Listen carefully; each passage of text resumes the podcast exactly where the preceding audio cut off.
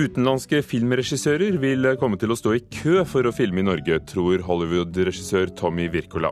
Men den nye ordningen som gir penger til utenlandske filmselskaper, rekker ikke til de største filmene, tror han. Skuespiller Mia Gundersen avslutter sin juleturné som jazzvokalist. Hun glimter til, sier vår anmelder. Og kritiker Marta Norheim plukker høydepunkter fra det litterære året. Her i Kulturnytt i NRK. Filmatiseringen av 'Snømannen' etter Jo Nesbøs bok kan utløse et skred av utenlandske filmer som eh, vil gjøre opptak i Norge. Det tror to norske Hollywood-regissører. Både Tommy Wirkola og André Øvredal. Det skyldes den nye ordningen der utenlandske filminnspillinger får igjen 25% av pengene de legger igjen i Norge. Men det er så lite penger å ta av at de virkelig store produksjonene nok ikke kommer, tror Wirkola. Det har aldri vært et større fokus på Norge enn det er i Hollywood nå. Det de vet om Skandinavia, spesielt Norge, har, eh, har opplevd seg kraftig de siste bare to-tre årene. Det sier den norske regissøren Tommy Wirkola. Han har jobbet i Hollywood siden 2009, og få nordmenn kjenner filmbransjen der som ham. Akkurat nå er han i gang med oppfølgeren til Hansel and Gretel Witch Hunters med Jeremy Renner i hovedrollen. I don't think we're hunting witches. Wirkola snakker om hvordan man forgjeves har forsøkt å lokke store internasjonale filminnspillinger til Norge. Det var nære på med James Bond for et år siden. BBC-serien The Vikings valgte også Norge vekk til slutt. Problemet er at Norge ikke har hatt noen ordning som gir utenlandske produksjoner en del av pengene tilbake. En insentivordning. Men om bare litt over en uke tar norsk filmhistorie en helt ny vending. The bone chilling new thriller by the internationally acclaimed best selling author Jo Nesbø. Filmatiseringen av Jo Nesbøs 'Snømannen' er den første som tar i bruk den flunkende nye insentivordningen. Ordningen gir utenlandske produksjoner 25% av pengene de bruker i Norge tilbake, fram til potten på 45 millioner er brukt opp. Men denne potten er altfor liten, tror Wirkola. For når Hollywood ser at 'Snømannen' spilles inn i Norge, vil flere følge etter. Det går bra med 'Snømannen', så tror jeg det kan ha en veldig stor signaleffekt, og det kan bli mer og mer. Han sier de 45 millionene Norge vil bruke på utenlandsk film, kanskje høres mye ut, men at det er småpenger om Hollywood først kommer og banker på døra. Da blir pengene fort brukt opp, og Norge kan miste store produksjoner. Jeg tror at det kommer til å bli veldig mange forespørsler etter hvert. og Det er veldig dumt da hvis potta er tom og man ikke har noe tilbud dem. For det kan komme mye større filmer. Wirkola får støtte av regissør André Øvredal, som nå er i gang med sin andre Hollywood-film.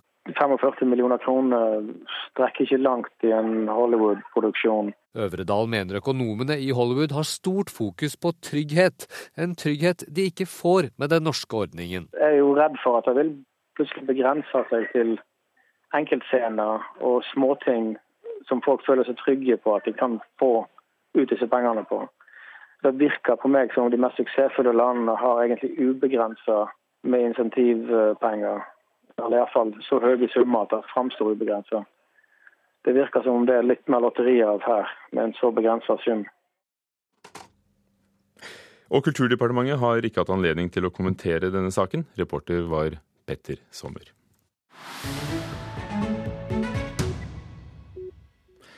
Julekonsertene er i gang, og skuespiller og artist Mia Gundersen har avsluttet sin juleturné. Det skjedde på Nasjonal Jazzscene i Oslo i går.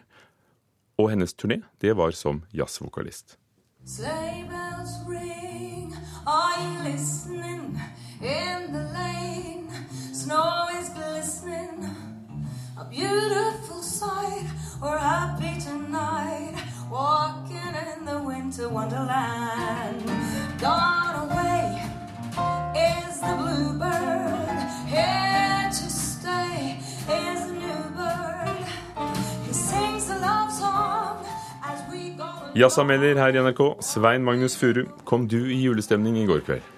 Ja, i uh, enkelte øyeblikk så var det ganske god julestemning på Nasjonal Jazzscene uh, i går. Uh, det var jo da som sagt slutten av Mia Gundersen sin juleturné, som har vært litt rundt omkring i Norge siden 1.12. Hun har med seg et band, en kvartett, en jazzkvartett, og hadde også med seg tre gjesteartister i går. Og den grunnen til at jeg ønsket veldig å se denne konserten her, som da heter Jul for svingene, det var at at uh, Mia Gundersen gjorde en veldig fin konsert i høst hvor hun gjorde en hyllest til Billie Holiday. For hun gjorde det stort som, som jazzsangerinne. Jeg var ikke der selv, men, men ryktet begynte i hvert fall å svirre etter denne konserten.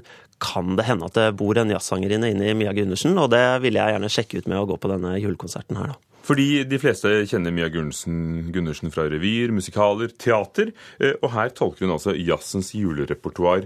Eh, og da du hadde satt deg dette fore å finne ut, hva syns du?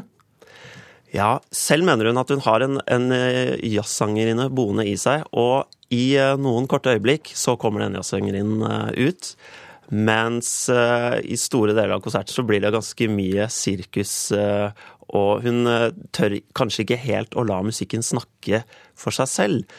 Eh, det var kanskje det jeg eh, så som største, den største utfordringen i går. Um, og også om man kan kalle det en julekonsert når du har kanskje tre-fire julelåter, og resten mer sånn viser og litt mer sånn tradisjonelle swinglåter. Det også går det an å stille spørsmålstegn ved, da.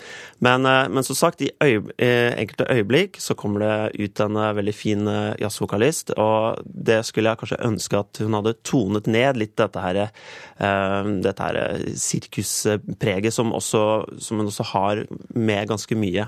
Men hun hadde også med fin, eh, noen fine gjesteartister som, eh, som må trekke litt fram. Blant annet eh, denne syvåringen som heter Angelica Jordan, som eh, vant Norske Talenter eh, tidligere i år, var det vel. Og hun har utrolig flott stemme.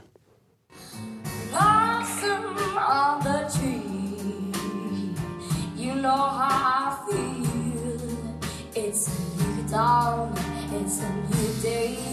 It's a new life.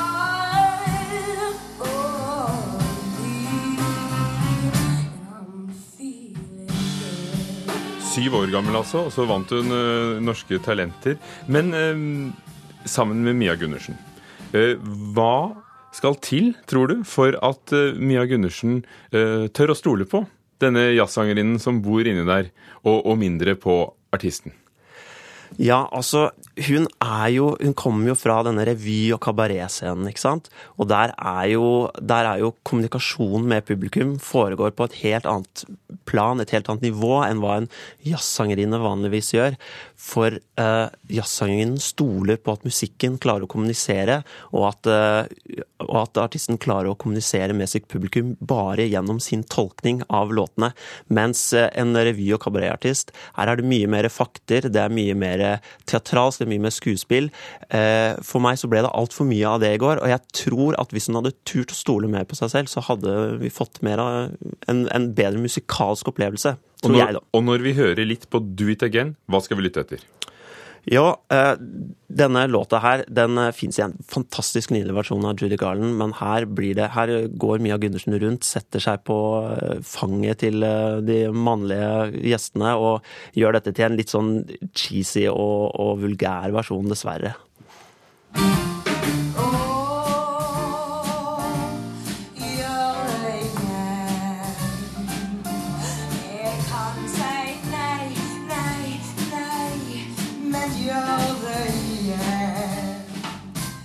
Svein Magnus Furu, vår jazzanmelder, som altså så avslutningen av Mia Gundersens juleturné. Din konklusjon? Stort på deg selv, Mia Gundersen. Du har en flott eh, jazzvokalist inni deg, men eh, den må tørre å komme ut noen ganger. Takk. Fra jazz til kunst. Eiendomsselskapet Entra beklager overfor kunstner Iben Sandemose etter at de malte over kunstverket hennes i fylkeshuset i Vest-Agder. Sandemose tilbyr seg å male den fjerde veggen i rommet om igjen, den Entra malte over i hvitt i stedet for å bare kjøpe et lerret. Og det kan muligens bli utfallet av saken. Vi har hatt som sagt en, en hyggelig samtale med kunstneren. Men det er en del eh, praktiske ting som må på plass før vi kan eh, si endelig hva som vil skje. Sier kommunikasjonsdirektør Tom Bratli i Entra. Det, det har både med økonomi og andre praktiske forhold å gjøre. Men vi er i høyeste grad innstilt på å finne en, en, løsning som eh, alle kan bli fornøyde med. I forrige uke ble det klart at en vegg med Iben Sandemoses kunstverk i fylkeshuset i Vest-Agder ble malt over, fordi det var behov for et lerret til videovisninger. Det er Entra som eier bygningen. Både kunstneren sjøl, fylkespolitikerne i Vest-Agder og fylkeskultursjef Anne Tone Hageland ønsker at Sandemose skal få male veggen på nytt. Og Bratteli utelukker ikke at det er det som blir resultatet. Det er vel eh, den veien det går. men men det er litt tidlig ennå å, å, si nøyaktig hva som skjer. Iben Sandemose er glad for at Entra har tatt direkte kontakt med henne og beklagd. En uh, hyggelig dame fra Entra som var oppriktig ulykkelig for dette her. Og uh, det skjønte jeg. Hun hadde jo sikkert ikke hatt noen ting med det å gjøre. Og var jo Jeg har jo veldig lyst til å male det om igjen, og det tror jeg hun var veldig enig i. Så det var en veldig positiv samtale, altså. Selv om hun er lei seg for at kunstverket ble malt over, tenker Sandemose at det kan komme noe godt ut av saken. For det første så tenker jeg at dette er jo fint at det har fått sånn oppmerksomhet. Så at da skjer jo kanskje ikke det med andre utsmykninger. At man eh, tar seg vare for det og skjønner at det ikke er noe bra å gjøre. Venstre har lært av dette, det er det ingen eh, tvil om. Sier Tom Bratli. Og at vi eh, beklager så dypt vi kan. og så så skal vi ha den, den dialogen med Iben Sandemose. Og så håper og tror jeg at vi finner en god løsning eh, som alle kan være fornøyd med. Og reporter var Miriam Grov. Klokken er snart kvart over åtte. Du hører på Nyhetsmorgen i NRK. Overskrifter i dag. Norge kommer ikke til å sende kampfly til Syria, sier kilder i regjeringen til Klassekampen. LO vil utsette skattelettelser for næringslivet. Et uvanlig og oppsiktsvekkende LO-standpunkt, sier skatterettsprofessor. Og den lave oljeprisen svekker den norske kronen enda mer. Når vi ser på bokåret som har gått, Marta Norheim, litteraturkritiker her i NRK. Hvis jeg spør deg sånn umiddelbart, hva har du festet deg ved? Ja, noe jeg har festa meg ved, er tidsaksen. Altså, Den går i år veldig langt bakover i tid, og faktisk også veldig langt framover i tid. Og, og, ikke minst dette med framover i tid er jo ganske interessant, for før var jo science fiction litt sånn eh, roboter og andre planeter, men nå er den derre framtidslitteraturen også veldig prega av eh, klima, klimatiske endringer, hvordan skal det gå med oss på jorda og sånn, sånn at det der har vi fått en eh, sjanger som er veldig vital. Men jeg kan jo begynne bakerst i tida, kanskje for der har vi Torvald Steen, som i eh, Det usynlige biblioteket legger historien sin til 323 før Kristus. Og den historisk kunnige, med stor paratkunnskap, må man si, vil vite at det var Alexander den stores dødsår, og det handler da om hans eh, siste dager. Hva gjør Torvald Steen med Alexander? Altså, Han er jo stadig eh, bakover i historia og tar de store menn og ser de fra litt andre vinkler. Eh, her er det eh, elskerinna til Alexander som får fortelle sin historie, og sin historie som eh, den som elsker Alexander. Og da får du jo naturlig nok et annet bilde. Men hun har også sine eh, egne eh, strategier, og hun skal også overleve etter at han er død osv. Så, videre. så det er en riktig spennende historie. Så vi strekker oss fra 323 før Kristus til, til fremover i tiden. Hvilket tema peker seg ut? Ja, altså eh, i eh, den framtidslitteraturen er, som jeg sa, dette med eh, økologien og det sårbare samfunnet vårt påfallende. F.eks. i Maja Lundes 'Bienes historie', der hun går fram til 2098. Der jeg tror Vesten mer og mindre har kollapsa, men i Kina er de i gang med håndpollinering. Altså det er at biene blir borte, og da forsvinner jo store deler av maten vår. Og det er jo et helt reelt problem? Det er et helt reelt problem. Altså, altså, eh, For ikke veldig mange år siden så snakka de om det der med at eh, biesvermene kollapsa. Du ante ikke hva som skjedde, de bare forsvant. Eh, men i denne romanen så driver de med håndpollinering i Kina.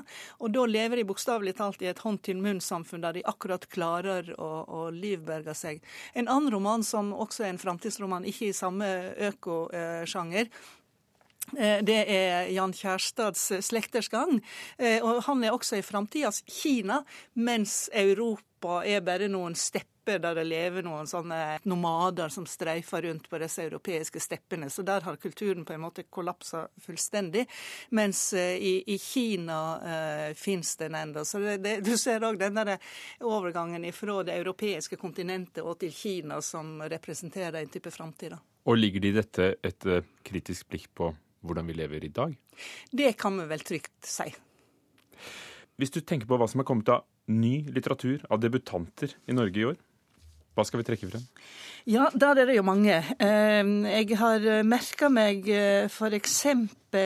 Vibeke Riser Larsen, som skrev romanen 'Et sted skinner det', som handler om ei ja, hva du skal si, asosial kvinne. Veldig mange romaner handler jo om folk som har et, et anstrengt forhold til det sosiale livet. Denne Sigrid som, som finnes i Vibeke Riser Larsens bok, er en en type sjølskader, ei dame som virkelig prøver å få det til, men som ikke får det til, som er veldig godt og gripende skildra. Og så har du jo Maria Navarro Skaranger, som eh, knalldebuterte, får vi vel si, eh, i januar allerede, med den vesle generasjonsromanen 'Alle innvandrere har lukka gardiner', der vi følger en fjortis sitt liv på Furuset i Oslo. Det er umulig å nevne alle titler, og sikkert ikke alle du synes burde vært nevnt. Men hva slags år har det vært for litteraturen, syns du? Jeg syns det har vært et, et, veldig spennende år. Altså, det er en sånn type eh, Vi tar inn over oss eh, verden med alle problemene som finnes der. Så det er en type alvor som ikke må forveksles med eh, mangel på humor og, og, og lettsinn, for det fins heldigvis også, men gjerne med det mørke som et eh, bakteppe. Takk skal du ha, Marta Norheim, vår litteraturkritiker. Forlaget Oktober er julesalgets vinner i år, det skriver Dagens Næringsliv i dag. Med bøker av Linn Ullmann, Jon Michelet og Edvard Hoem på toppen av salgslistene har omsetningen nådd 53 millioner kroner i år. Forlagssjef Ingrid Engelstad sier til avisen at de skal tjene penger på god litteratur, ikke strikkebøker og prinsessebøker. Og forlaget Oktober er eid av Aschehoug.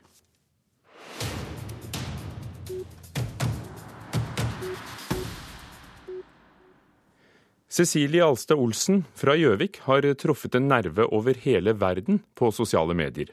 Og hun har fått eh, seere, millioner av seere, med sine filmer om fargerik sminke. Videoene legger hun ut på YouTube, og er altså sett, 53 millioner, eh, er sett 53 millioner ganger til sammen. Skal vi se Cute, love the blue. This is beautiful. Those awesome. Klokka er 11 på kvelden i hybelen på Gjøvik. Cecilie Alstad Olsen har akkurat lagt ut en ny video på YouTube-kontoen sin. The blue is absolutely gorgeous. Og da blir jeg så glad når jeg får sånne der. 188 000 følgere gir umiddelbar respons. Ja, så nå er jeg litt i lykkerus nå på kveldinga her når jeg legger ut det her. Ja, Det er veldig spesielt. Det er veldig imponerende å ha klart å bygge en så stor eh, fanskare på internett uh, i 2015. Så det er, jeg er ikke så overraska, for hun er veldig dyktig, men det er veldig stort. Ingvild Moen i Resonate er digital rådgiver og ekspert på merkevarebygging i sosiale medier. Hun har jo funnet noe da, som hun gjør som ingen andre gjør, så hun er jo helt unik. Sånn. Øyet blir i fokus. Cecilie har funnet fram en palett med sminke, koster og speil. Ei sterk lampe gir lys, og nå justerer hun kameraet for best mulig bilde. Øyesminken hun legger, er inspirert av en Disney-karakter stemt fram av følgerne hennes. Eh, så det blir veldig mye blå og glitrende sminke i dag. Hun studerte økonomistyring da hun oppdaga mulighetene på YouTube. Fra jeg var to år, så skulle jeg ha på meg rød leppestift og blush. og eh, Hvis jeg skulle på bursdagsselskap, så skulle det være sminke på. så jeg, jeg har alltid likt det. Men nå lever hun av hobbyen sin. En video i uka gir en vanlig månedslønn, og så langt er videoene hennes sett over 53 millioner ganger. Jeg tror ikke jeg skjønner det helt. Man ser jo det at eh, de store personlighetene i sosiale medier de har både stemmer måte, i nyhetsbildet etter hvert også, i tillegg til at de da kan gjøre disse mm, kommersielle samarbeidene som gjør at de kan tjene penger på det. Så de kan både ha økonomiske utbytte av det, men også på en måte rent i samfunnsdebatten og sånne ting, hvis man velger det fremover. Så ganske spennende tider i møte. Skal du se. Det her er harde, da. Jaha. Så øverst her så har jeg bare mm, løse øyenskygger. Og så er glitter i denne skuffa. Her er en eggelakk. Sminke som levebrød vil hun fortsette med så lenge hun syns det er moro. Det er jo mye arbeid, det er jo flere dager med arbeid, og man blir litt sliten. sånn, som man tenker uh, at ja, Orker man å gjøre det videre, liksom? Men med en gang man får kommentarer fra dem som følger deg, så og får så mye positivt, så blir man så glad og så får så mye energi og motivasjon til å fortsette videre da, og vil gjøre det bedre kanskje til neste gang. Cecilie Alstad Olsen til reporter Jorunn Wang. Vi skal ta for oss julemusikken, til glede og noen ganger til plage. Eli van der musikkjournalist i NRK P3. Aller først julemusikk. Hva er det? Jeg tenker at Det viktigste med julemusikk er jo å skape god stemning. Um, og så er det tradisjoner. Vi holder oss veldig ofte til ting vi har hørt mange ganger før. Og det er liksom Det er noe sånn koselig over hele konseptet med julemusikk. Vil du si at artistene tar hensyn til det når de kommer med, med egnede låter? Ja, absolutt. Iallfall de fleste. Um, det er veldig mange som, som, holder seg til en sånn juleformel, og, uh, og, tilpasser sitt eget uttrykk til det, da. Og hvilken vil du velge deg først for oss? Den første jeg har valgt, er Maria Mena med 'Home for Christmas'. Som er en sånn utrolig, utrolig fin låt. Og en av de nyere låtene som liksom har satt seg litt. Careful what you say this time of year tends to weaken me. And have a little decency and let me cry in peace. But there's a place where I erase the challenges I've been through. Where I know every corner, every street, name all by heart. Hva er det som gjør at vi bare får lyst til å, å, spille mer og mer, og ikke begynne å snakke? Det er vel det at Maria Mena synger helt nydelig, og hun har en sånn særegen formidlingsevne. Altså, jeg jeg blir opptatt av hva hun har lyst til å fortelle meg i denne låta. Og så er det en sånn fin julemelankoli som ligger i bunn. Og så handler han jo om å komme hjem til jul. Og det er noe ganske allment over det. At man vil hjem. Man vil sitte i sofaen sammen med de man er glad i, og bade i ribbefett. Hva med Sondre Lerche? Sondre Lerche. Ja, dette er jo nok en helt ny låt. Den kom nå. Um, og den tror jeg også har potensial til å feste seg. For den føles litt sånn kjent og god. Og Sondre Lerche synger jo på en sånn crooner-måte, så det Og så er det litt sånn julete produksjon, og det er veldig trivelig. Og også nok et sånn fint budskap om å ta vare på hverandre og bry seg om eh, andre mennesker. Christmas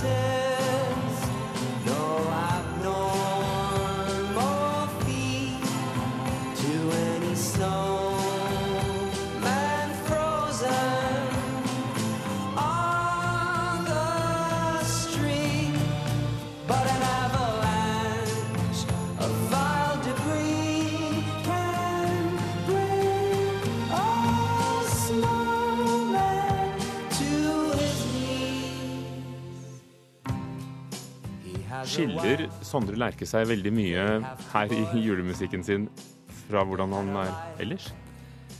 Det er litt som skiller, men jeg syns at han, han, er flink til å beholde sitt eget uttrykk. Jeg tenker at dette høres ut som en Sondre Lerche-låt, eh, men at det er liksom tweaka litt for å gjøre det til en, eh, en julesang.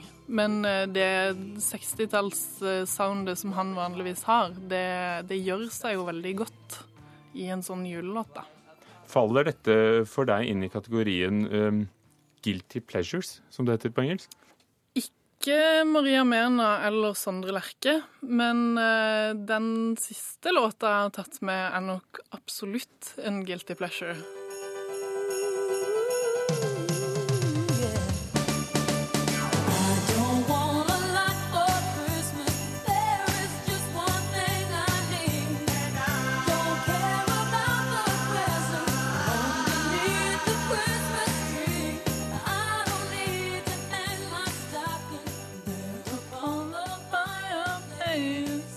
Eli i der Reinden, hva er, hva er eh, gleden, pleasure-delen av Guilty Pleasure i, i Mariah Carey? Jeg tenker at det, det, er en sånn ting med julemusikk at man, man blir litt mer ukritisk. Um, og det er så utrolig deilig, syns jeg, da. Uh, at denne låta er liksom Den er gjennomført bare glad og, og sånn, den sånn jovialitet, en julejovialitet over det hele. Det er bare glede og um, begeistring. Mariah Carey er jo en dame som leverer varene. Til neste år kommer hun på turneen innom Norge også. Hva vil du si er hennes styrke? Hun er jo en helt utrolig bra sanger. Eh, det er veldig få som eh, kan måle seg med henne. Eh, og så er hun, hun er en superstjerne, altså. På alle måter. En sånn fascinerende karakter. Eli van der Einden, musikkjournalist i NRK P3. Takk for at du tok med deg utvalgte juleplater til Kulturnytt. Du har ett uttrykk. Hva er det? Julejovial. Hva legger du i det? Det er den enorme triveligheten som eh, er grunnsteinen i veldig mye av julemusikken vår. Takk skal Kan det bli for mye? Nei. Kan aldri bli for mye. Eli van der Einden, takk skal du ha. Filmatiseringen av 'Snømannen' etter Jo Nesbøs bok kan utløse et skred av utenlandske filmer som vil gjøre opptaket i Norge. Det tror regissør Tommy Wirkola. Det har du hørt i Kulturnytt, som var ved produsent Thomas Alvarstein Hove og programleder Ugo Fermariello. Dette er Nyhetsmorgen. Klokken er snart halv ni.